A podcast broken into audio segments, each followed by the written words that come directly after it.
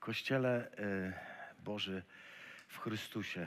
E, Dziękuję bardzo za ten przywilej, że e, mogę znowu dzisiaj tu stać i mogę znowu głosić Słowo. To jest ta część mojej służby, która jest najprzyjemniejsza, najbardziej wymagająca, najtrudniejsza i najfajniejsza.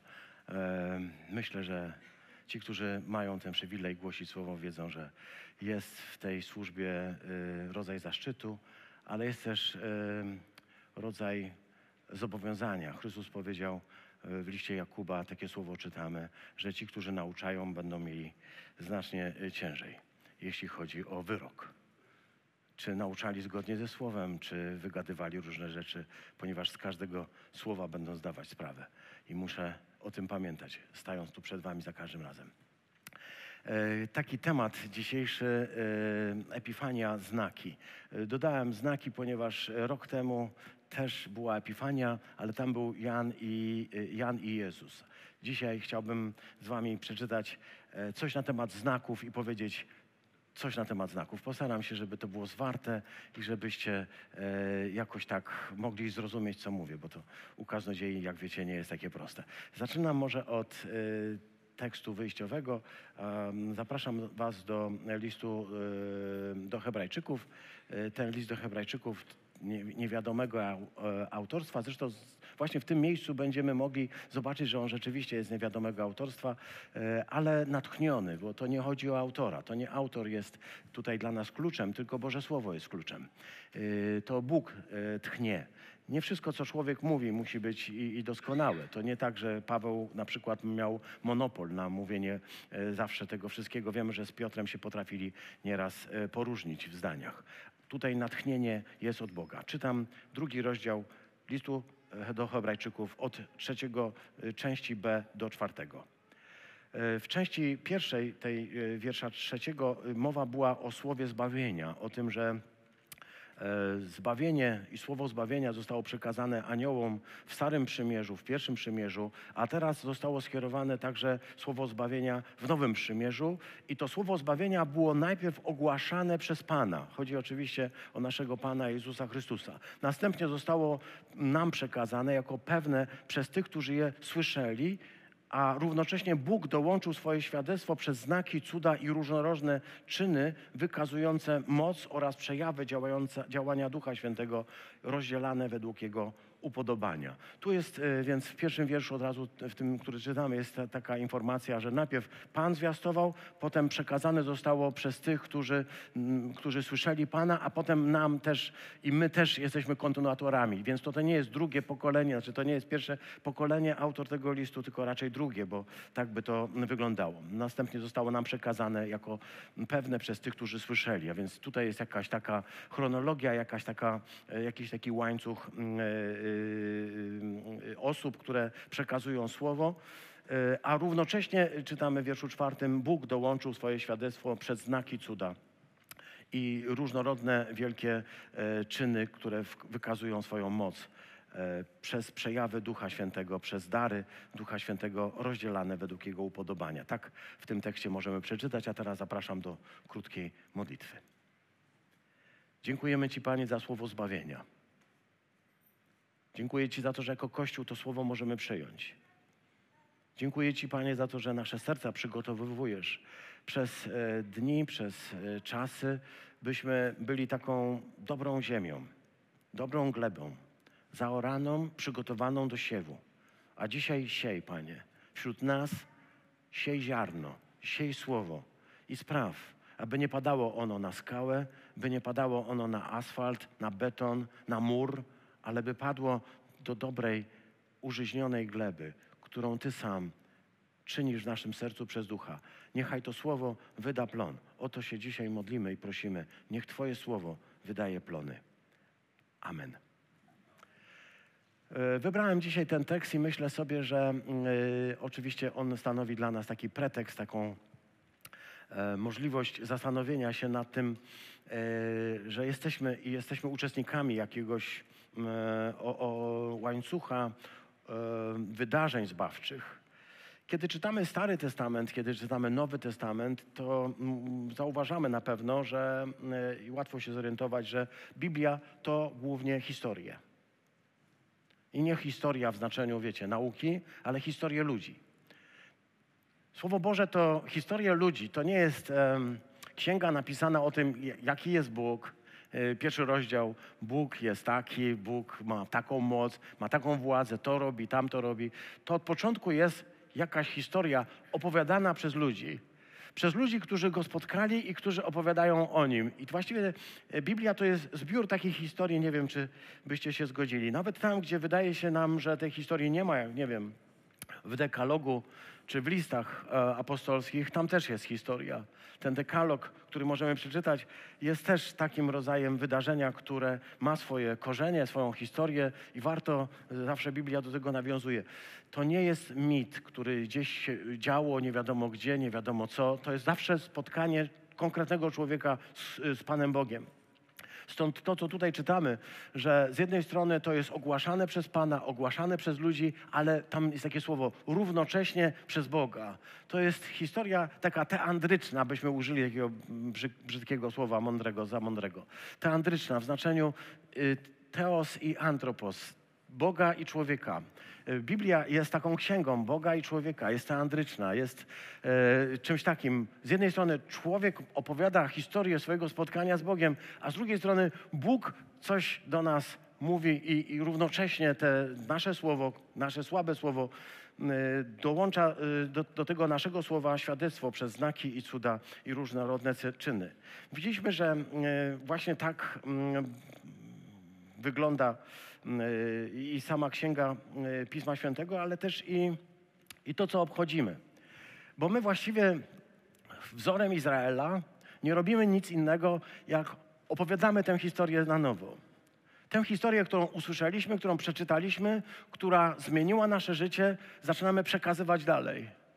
Nic więcej nie robimy. W Starym Testamencie tak wyglądała cała pedagogika, e, jakby powiedzieć, e, tego, tego, e, ten przekaz wiary, tak? ta pedagogika wiary. Ona polegała generalnie na tym, żeby Izrael opowiadał tę historię. Nieraz to nawet wydaje się dość dziwne, wiesz, bo nawet padają takie sugestie. Słuchaj, masz opowiedzieć historię o wydarzeniu wyjścia z Egiptu, masz to opowiedzieć swojemu synowi. Jak syn cię zapyta, dlaczego tę paschę dzisiaj spożywamy, to masz mu to wszystko opowiedzieć. To się nazywa Hagada Paschalna. Hagada, w której mam po prostu opowiadać o tym, co Bóg robił w dziejach Izraela. Miszna do tego doda oczywiście takie zdanie, że w momencie, kiedy to opowiadam, to nie tylko to opowiadam, ale w tym uczestniczę.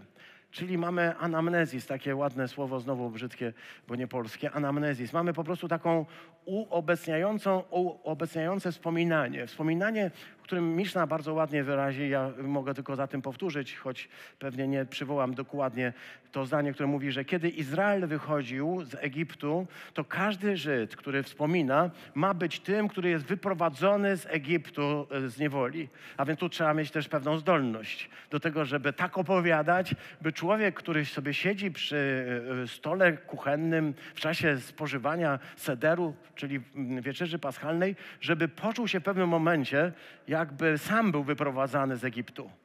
I ja myślę, że ten rodzaj e, pamięci i ten rodzaj wspominania, ta pedagogika przetrwała w Kościele i właściwie to wszystko, co robimy, to wspominamy te historie.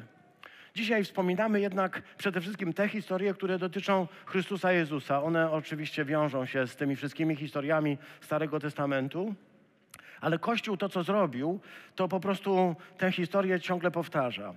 Nieraz zastanawiam się, e, dlaczego ludzie tak mocno występują przeciwko e, jakimś świętom, jak na przykład tym, wiecie, zamiast świętować i cieszyć się z powodu tego, że e, mamy mm, możliwość ogłaszania całemu światu to, co mieliśmy tutaj także w tamtym tygodniu, taką możliwość, żeby powiedzieć: ludzie, nie koncentrujcie się na opakowaniu, nie koncentrujcie się na światełkach, na świecidełkach. Zobaczcie, jaka jest istota tego święta. Ono jest czymś piękniejszym niż tylko to, co jest blichtrem z zewnątrz. Tam jest coś głębszego. Zamiast wejść w tę głębię i pokazywać, y, no, spierają się o to, czy to był wrzesień, czy to był październik, czy to był listopad, grudzień, styczeń i, i tutaj cała masa jest specjalistów. Ja bardzo się cieszę z tego powodu, bo zawsze zajmowanie się historią jest czymś fantastycznym. Y, myślę, że każdy sposób zajmowania się historią jest świetny, ale ilość ekspertów od historii, Grzesiu, ja myślę, że jest większa od ilości ekspertów od medycyny w naszym kraju. Jest bardzo dużo ekspertów od medycyny, mówią nieraz, że jest bardzo dużo ekspertów od piłki nożnej, ale ja ze swojej perspektywy chcę powiedzieć, że kiedy czytam sobie różne rzeczy y, z historii, y, kiedy czytam sobie różne rzeczy dotyczące mediów społecznościowych, to tam najwięcej jednak jest specjalistów od historii, muszę wam powiedzieć. Po prostu tak, tak po prostu wszyscy w Polsce są takimi specjalistami, ale Jezus nam powiedział bardzo prosto, powiedział wspominajcie mnie, tak? Taka, tak za każdym razem, kiedy stajemy tutaj przy stole komunijnym, to czytamy te słowa, że y, czyńcie to na moją pamiątkę. Za każdym razem musimy pamiętać o tym, że Jezus sobie życzył, Jezus chciał, żebyśmy wspominali właśnie takim y, trochę bliskowschodnim, takim y, żydowskim modelem. Po prostu opowiadali tę historię. Opowiadajmy tę historię, opowiadamy tę historię. Zresztą y, myślę, że to też jest jakaś ciekawostka, bo y, tutaj, kiedy y, myślę, opowiedz mi swoją historię, to mi przychodzi na myśl oczywiście pania, pani Kasi, Kasia Sobczyk, która zaśpiewała kiedyś taki przebój, ale mm, niektórzy z was mogą go pamiętać, bo myślę sobie, tak patrzę na was. To było w 68 roku, w 1968 roku. Opowiedz mi swoją historię. Kasia Sobczyk to jest ta pani, która śpiewała 13 albo O mnie się nie martw na przykład. Y, myślę, że y, znacie to. Czerwono-czarni. Y, to dla tych, którzy w ogóle wiedzą, co ja teraz powiedziałem co to znaczy czerwono-czarni. Ona też śpiewała to Mały Książę. Gdzie jesteś, Mały Książę? To pani Kasia Sobczyk. Ona taką piosenkę miała też. Opowiedz mi swoją historię. Ja myślę sobie, że e, to, co my dzisiaj chcemy robić, to opowiadać tę historię, ale to byłoby za mało. Tylko opowiedzieć historię i tylko powtórzyć. Łatwo badać w banał, nie? Ja myślę sobie taki e, żydowski ojciec rodziny, który ma po raz kolejny opowiadać historię i no, znowu tę historię i ludzie, myślę sobie, słyszeli ją raz, drugi, trzeci, ale syn ma już 30 lat, a ojciec mówi, jesteś najmłodszy, więc muszę ci opowiedzieć tę historię. I po prostu od początku mu opowiada o tym wszystkim. On to słyszał już 30 razy. No na tym polega właśnie fenomen e, kaznodziejstwa. Tak powiedzieć, żeby człowiek miał wrażenie, że słyszy ją po raz pierwszy. Ta historia, którą e, opowiadamy, e, którą dzisiaj też słyszeliśmy tutaj na początku dzisiejszego naszego nabożeństwa, czytała nam to pięknie Hania. Ona zaczęła od genealogii i pozwólcie, że nie będę jej czytał. Ona jest przepiękna, ta genealogia, prawda Haniu? Ale jak usłyszała dzisiaj Hania, że ma mówić, ma czytać o genealogii, to się po prostu przeraziła, bo tam jest taka masa e, imion e, obco brzmiących, że się człowiekowi język może płamać. Ja chciałem dzisiaj do drugiego rozdziału przejść, e, do rozdziału, w którym czytamy o magach, których niesłusznie określa się mianem królów, ale to już po prostu przez wieki, wieki, wieki, więc nie będziemy kłócić się z, z, tak głęboką tradycją. Można ich nazywać po prostu zwyczajnie królami, chociaż oryginalnie e, nazwa brzmi dość niepokojąco. Magoi, czyli magowie perscy uczeni, być może e, astrolodzy, być może filozofowie, być może nawet jacyś e, mędrcy po prostu. E, kimkolwiek byli, Ewangelia nie, nie uściśla i my też nie będziemy uściślać. Nie, nie, nie znamy ich imion i nawet nie wiemy, ilu ich było i niech tak zostanie. Przywędrowali pewnego dnia do Jerozolimy, aby zapytać się w Jerozolimie człowieka, który na, na imię miał bohater, czyli Herod, E, półbóg, to jest Heros, tak? W tym sensie to jest właśnie to imię greckie. Żeby zapytać go, gdzie się narodził król żydowski, bo widzieliśmy gwiazdę jego wschodzącą, albo gwiazdę jego na wschodzie. E, no, astrolodzy e, tamtych czasów i dzisiejszych mówią także o tym, że każdy człowiek ma swoją gwiazdę. Nie będę się w to wgłębiał, bo e, w astrologię nie wierzymy i, i się nią nie przejmujemy, ale oni wierzyli. I jakoś tak Pan Bóg pozwolił, by, by prze, przy pomocy tej zaskakująco niedobrej jakby praktyki też coś odkryli. To jest też fenomenalne, ale zostawmy to na razie przynajmniej na boku. I e, zadali to pytanie, m, czy mm, król wie, gdzie się narodził nowy e, m, król e, żydowski. E, Bo my przyszliśmy złożyć mu pokłon. Dokładnie jest napisane, przyszliśmy paść na twarz przed nim, proskyneo. E, no, wiemy, co się stało. Wiemy, że Herod się strasznie zdenerwował z tego powodu, zmartwił, a jak on się denerwował czymś, to cała Jerozolima się trzęsła, bo był władcą raczej takim sugestywnym. Jak on się bał, to reszta musiała po prostu umierać ze strachu. Więc on się wystraszył, czytamy, cała Jerozolima się wystraszyła, no i zadał to pytanie e, swoim, e, mo- swoim e, uczonym w piśmie, także faryzeuszom arcykapłanom, czy coś takiego słyszeli o tym. Oni mówią, tak, rzeczywiście, kiedyś 700 lat przed naszą erą, nie, to 700 lat temu powiedzieli, y, to Michał mówił, że w Betlejem prawdopodobnie. Więc y, czytamy dalej, że Herod w związku z tym, y, wezwawszy skrycie magów, nie chciał zrobić tego oficjalnie, miał bowiem swój koncept, już szatan mu dobrze namieszał w głowie, wpadł na taki szatański pomysł, szatański, okrutny pomysł, w którym udawał jak chytry lis, że on te kury to kocha w ogóle że on tego nowego narodzonego dzieciątka, to on też przyjdzie, on mu się też chętnie pokłoni, bo on o niczym innym nie marzy, jak tylko o to, żeby oddać swoją koronę dziecku, które się gdzieś tam y, na, na prowincji urodziło. Nie po to zabił swojego jednego syna, potem swojego drugiego syna, potem swoją żonę, żeby teraz oddać tę koronę. Ale cóż, y, magowie niby mądrzy, niby mędrcy, ale podstępu nie zrozumieli.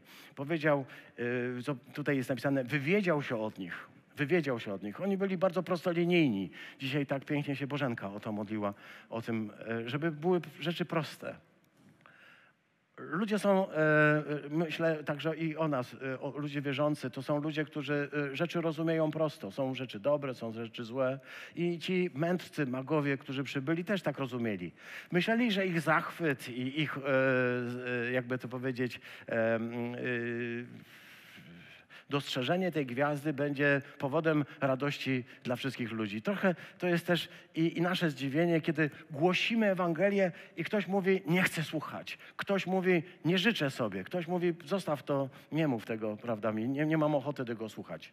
Albo po prostu mówimy, a on się tym zupełnie nie przejmuje. Wtedy mamy takie wrażenie rzeczywiście, zaskoczenia. Nie wiem, czy mieliście kiedyś takie. Po prostu dobra nowina mówi o tym, że słuchaj, jest, jest e, dobra nowina polega na tym, że Jezus mówi tak, zabieram twoje grzechy, wszystkie twoje brudy, wszystkie twoje przekleństwa, wszystko to czarne, co przez całe e, życie swoje na, nazbierałeś w swoim sercu, to wszystko, co wywołuje w tobie lęki, to wszystko, co powoduje w sobie kompleksy, ja to wszystko chcę zabrać, to wszystko zdjąć, a dać ci swoją boskość, swoją niewinność, swoją miłość. Chcę to wszystko dać Ci, swoje przebaczenie i wypełnić Ciebie pokojem i wypełnić Cię radością. Tak brzmi Ewangelia. Czy się zgadzacie? Chcę zabrać Tobie wszystko to, co było złe. Chcę odebrać Ci całą Twoją przeszłość, która była przeszłością też fatalną i chcę zamiast tego wszystkiego włożyć Ci pokój, uspokoić, dać harmonię, dać Ci to wszystko. Wszystko dobre, wszystko piękne. Taka wymiana. Dobra? Ty mi oddasz starego Trabata, dam ci najnowszego Mercedesa, tak? I jak słyszysz taką transakcję, oczywiście możesz pomyśleć sobie, czy, czy ktoś jest normalny, że chce tak, taką zamianę zrobić. W tym sensie Jezus jest inny. A ludzie mówią, nie, ja chcę zostać dalej ze swoim bólem, ze swoim cierpieniem, ze swoją chorobą, ze swoją ciemnością, chcę zostać dalej ze swoim grzechem, chcę zostać dalej z tym wszystkim. Nie, nie, nie chcę tego pokoju, nie chcę tej harmonii, nie chcę, żebyś mnie zbawił, nie chcę, żebyś mnie uratował. I dlatego to, to jest takie zdziwienie. Nie wiem, czy y, y, doświadczacie tego. Słuchaj, przynoszę Tobie dobrą nowinę o tym, że już nie musisz żyć w lęku, że już nie musisz y, myśleć o sobie w kategoriach jesteś najgorszy. Przychodzę, żeby Ci powiedzieć, że Bóg Cię tak umiłował, że chce dokonać takiej transakcji. Takie, co w, w starym języku mówiło się machnią. Takie, nie wiem, to młodzież nie zna tego słowa. Machnią. Wymieniamy się. To było kiedyś tak, e, za mojej młodości. Machnią. Wymieniamy się pewnymi rzeczami. I mówi tak, to kto, kim musi być ten, kto chce dokonać takiej wymiany, takiej transakcji, zabrać mi to, co mi ciąży, zabrać mi to, co mnie uwiera, zabrać mi to, co strasznie mi doskwiera i, i, i powoduje, że nie mogę zasypiać, że nie mogę żyć normalnie. a dać mi zamiast tego pokój, radość i, i y, sprawiedliwość i miłość. I, I czy na taką transakcję ktoś może odpowiedzieć nie chce? Chcę was zapytać. Może. Na taką transakcję może odpowiedzieć nie chce. Może się odwrócić i może dalej kombinować. Bardzo dziwne jest, że, że Herod właśnie tak do rzeczy podszedł. Wywiedział się wszystkiego. Wszystkiego się wywiedział i e, wprowadził ich w taki sposób myślenia, że słuchajcie, ja też jestem jednym z was. Jestem czwartym takim królem, który z wami chce tam pójść, tylko wiecie, bolą mnie teraz nogi, nie mogę iść. Tak przynajmniej mówi Józef Flawiusz.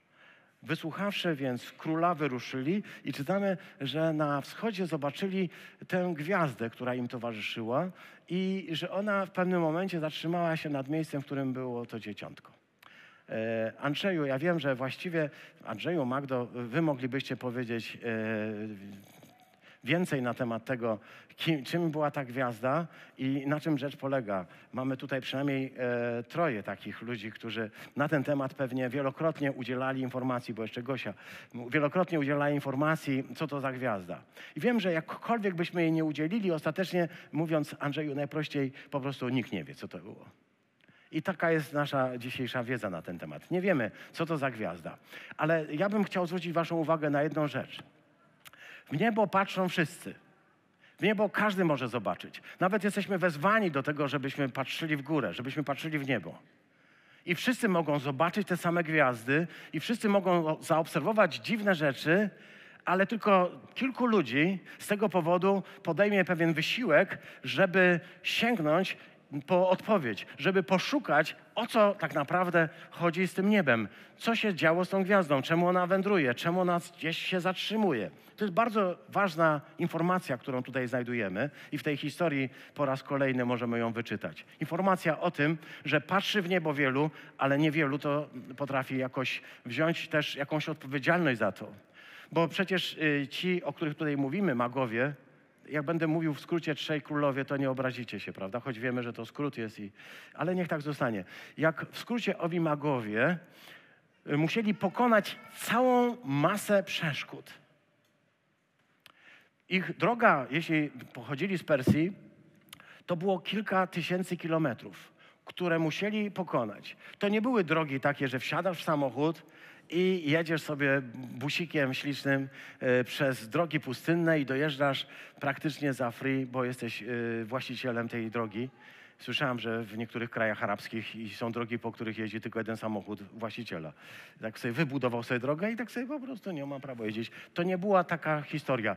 O, tu jest napisane, nie przyjechaliście, nie przybyliście, tylko jest powiedziane przyszliście. My ich wyobrażamy sobie na wielbłądach, e, jak to pewien kaznodzieja miał zwyczaj mówić, e, na wielbłądach. Wyobrażamy sobie ich jadących, ale tu jest napisane przyszliście. Przyszliście.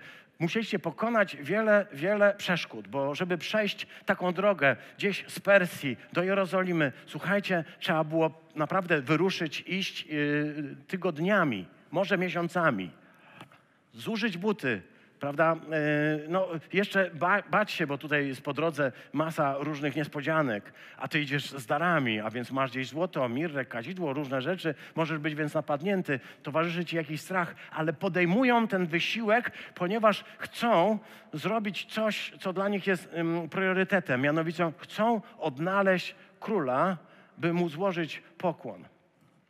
I chcę powiedzieć y, może z tej historii taki y, morał, że dzisiaj e, w tym świecie tak e, wygodnym przecież, gdzie nie musimy chodzić tysiące kilometrów, gdzie możemy wsiąść w samochód i przejechać, nieraz nam się zwyczajnie nie chce. Macie to?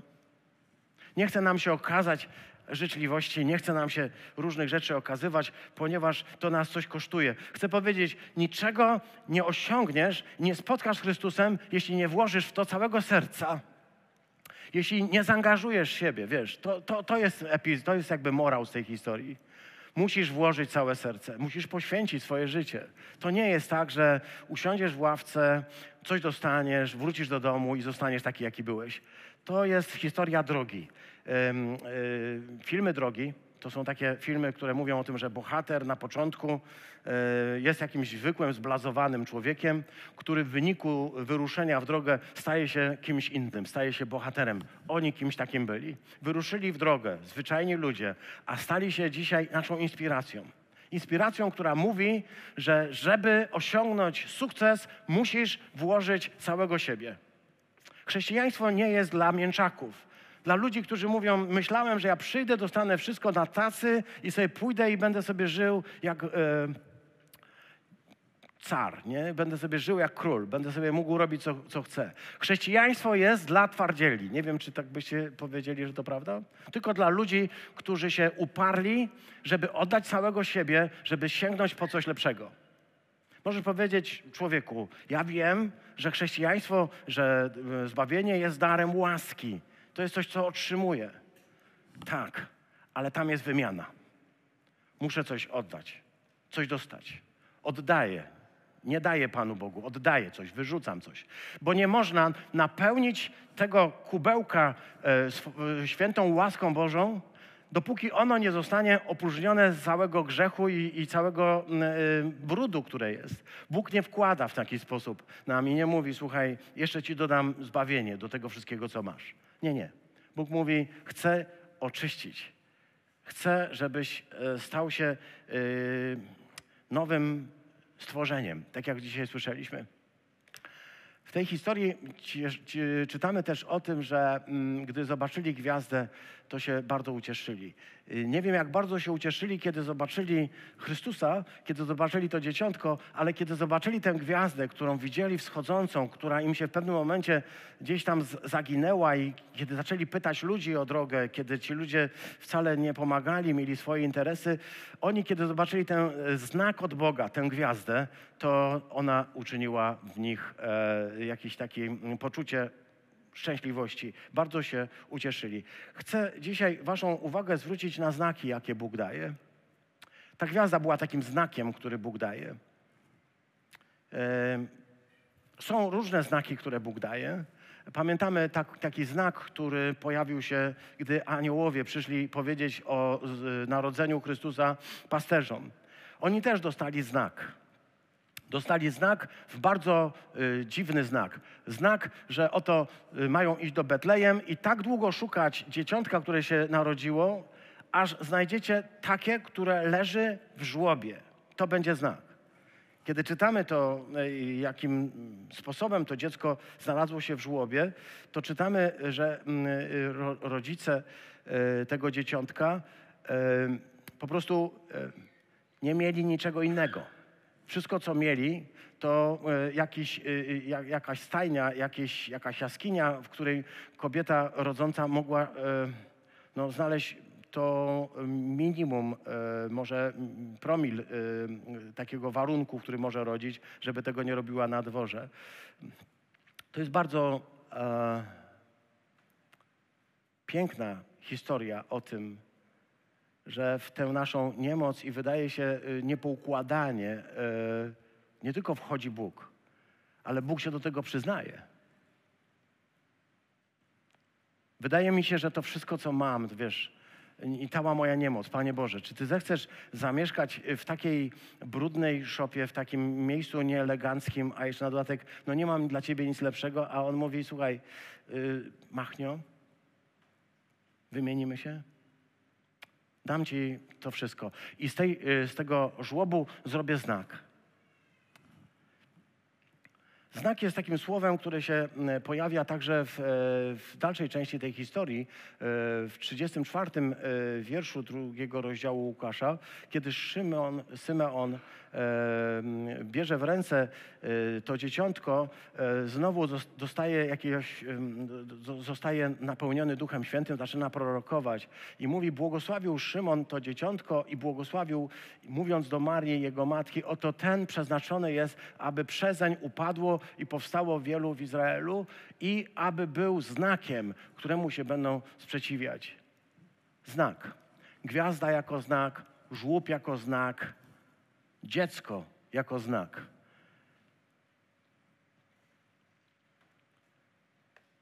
Chciałbym Wam dzisiaj powiedzieć właściwie to, że jesteś takim znakiem. Ta historia mówi o tym, że możesz być takim znakiem. Chcę się Ciebie zapytać dzisiaj, nie musisz odpowiadać. Czy wiesz, że Bóg uczynił Ciebie znakiem,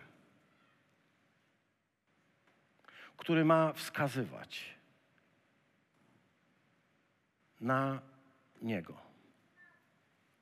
Czy masz świadomość, że Twoje życie e, jest takim drogowskazem? Ludzie się na nie patrzą, słuchają, czytają Ciebie, abyś stał się drogowskazem dla ludzi. Nie masz ich ciągnąć, nie masz ich szarpać, nie masz ich na siłę tam prowadzić. Jaka jest funkcja znaku? Masz po prostu być. Takim człowiekiem, by ludzie patrząc na ciebie, mogli widzieć Chrystusa. Mogli y, widzieć kogoś, kto wskazuje na Chrystusa. Powiem Wam szczerze, że niczego więcej nie chcę. Chciałbym, żeby ludzie patrząc na mnie, mogli zobaczyć znak, w którym Bóg wskazuje na ludzi, na, na, na, w którym Bóg ludziom wskazuje na Chrystusa, w którym Bóg ludziom wskazuje na siebie. Niczego więcej bym nie chciał. Jeśli mógłbym być takim człowiekiem. Panie Boże, uczyń nas takimi ludźmi. Chcemy być semejon, chcemy być znakami. Znakami Twojej miłości, dobroci i ludzie mogą nas mijać. Nie upieram się, że każdy musi. Znak nie jest od zaczepiania. Znak stoi. To, co jest e, piękne w tej historii, że ta gwiazda była znakiem, ona stanęła, to wszystko. Pewnie ludzie to zobaczą i się zachwycą. Pewnie ludzie pójdą dalej. I to nie jest moja odpowiedzialność. Nie jestem od tego, by szarpać ludźmi i mówić, musicie się patrzeć na mnie, musicie zobaczyć, tak? Będę zaczepiał każdego człowieka i mówił, musisz się nawrócić, musisz się nawrócić. Nie. Ta gwiazda, która była znakiem dla tych ludzi, dla tych magów, po prostu zatrzymała się, stanęła, wskazywała na miejsce, wskazywała na Chrystusa. Panie Boże, chciałbym być taką gwiazdą, która potrafi zatrzymać się i wskazać na Ciebie. Taką bym chciał być. A jestem e, ciągle w ruchu i ciągle za, zamyślony nad różnymi rzeczami, dlatego ludzie patrzą na mnie i wcale nic się nie dzieje. A jeśli się coś zmieni? Tak, do tego potrzebne jest świadectwo. Pięknie powiedział kiedyś Jan w Apokalipsie, że mam być znakiem, który składa świadectwo mówi w Apokalipsie w 12 rozdziale tak, a oni zwyciężyli dzięki krwi baranka i dzięki, dzięki słowu swojego świadectwa, ponieważ nie umiłowali życia swojego aż do samej śmierci. Nie umiłowali tak, żeby za wszelką cenę zachować to życie i mówić, ale to jest moje życie, mam prawo robić co chcę, ale być gotowy oddać swoje życie powiedzieć, Panie, w Twoje ręce. Bóg osiąga zwycięstwo, bo daje nam krew baranka i pozwala nam być oczyszczonym. Coś czyni z nami, ale jednocześnie uzdalnia nas do składania świadectwa. Pamiętacie w pierwszym tekście, który czytaliśmy z, z Hebrajczyków, było napisane, że nie tylko my głosimy słowo, ale że Bóg te znaki wkłada. A więc y, kiedy stajemy się tym, kim mamy być, to Bóg zaczyna to potwierdzać. I nie ma w tym żadnej mechaniki, żadnej techniki, nie jest to żadna, mm, wiesz, y, technologia, której się można nauczyć. To jest po prostu zwyczajnie. Zaczynam, y, przyjąłem Chrystusa, zacząłem, w Niego wierzyć, a Bóg zaczyna potwierdzać swoje znaki. I to jest, I to jest taka prawda, którą odkrywam, że Cuda nigdy nie miały na celu um, ekscytacji. Wiem, że jesteśmy ludźmi, którzy byśmy sobie życzyli, żeby się działy, ale w Biblii cuda zawsze są znakami. Zawsze na coś wskazują. Ewangelia Jana to Ewangelia ośmiu znaków. Jezus uczynił e, wino z wody, przemienił wodę w wino, ale nie po to tylko, żeby ludzie się napili dla niektórych to było wszystko. Napili się, najedli się, wrócili do domu, powiedzieli, taka zabawa była. Ale dla uczniów i może dla kilku innych ludzi to stał się znak, który ich porwał za Chrystusem. To była ich gwiazda. To zwykła woda, którą posmakowali i wiedzieli już, że to cud. Ale to nie był cud, który miał spowodować, że teraz będzie w gazetach pełno informacji, że zdarzyło się takie coś e, gdzieś tam w Kanie Galilejskiej, że z wody stało się wino. To jest znak dla niektórych. Czy jesteś gotowy być na tyle pokorny, żeby być znakiem dla niektórych? Nie dla wszystkich, nie zawsze. Każdy cud, który Bóg robi, staje się dla nas znakiem, który nas prowadzi ku Chrystusowi. Jestem takim znakiem i chcę być takim znakiem. E, Badacz ruchu zielonoświątkowego e, Walter Hohenweger, bardzo często cytowany w różnych podręcznikach o pentekostalizmie, powiedział, czym się różni pentekostalizm e, od takich klasycznego chrześcijaństwa. Znalazłem to w jednym y, dokumencie i pomyślałem sobie, y, przeczytam wam, bo ten czas to jest także rocznica narodzin ruchu zielonoświątkowego. Muszę to zrobić.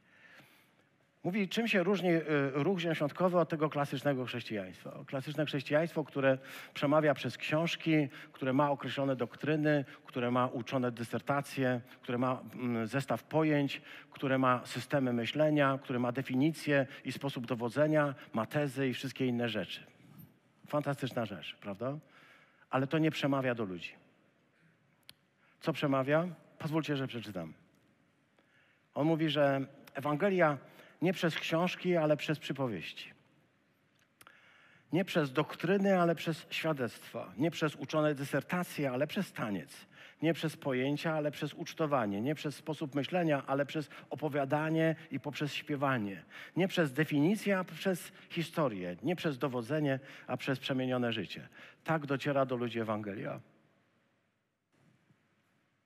Możemy im dawać wszystkie mądre książki.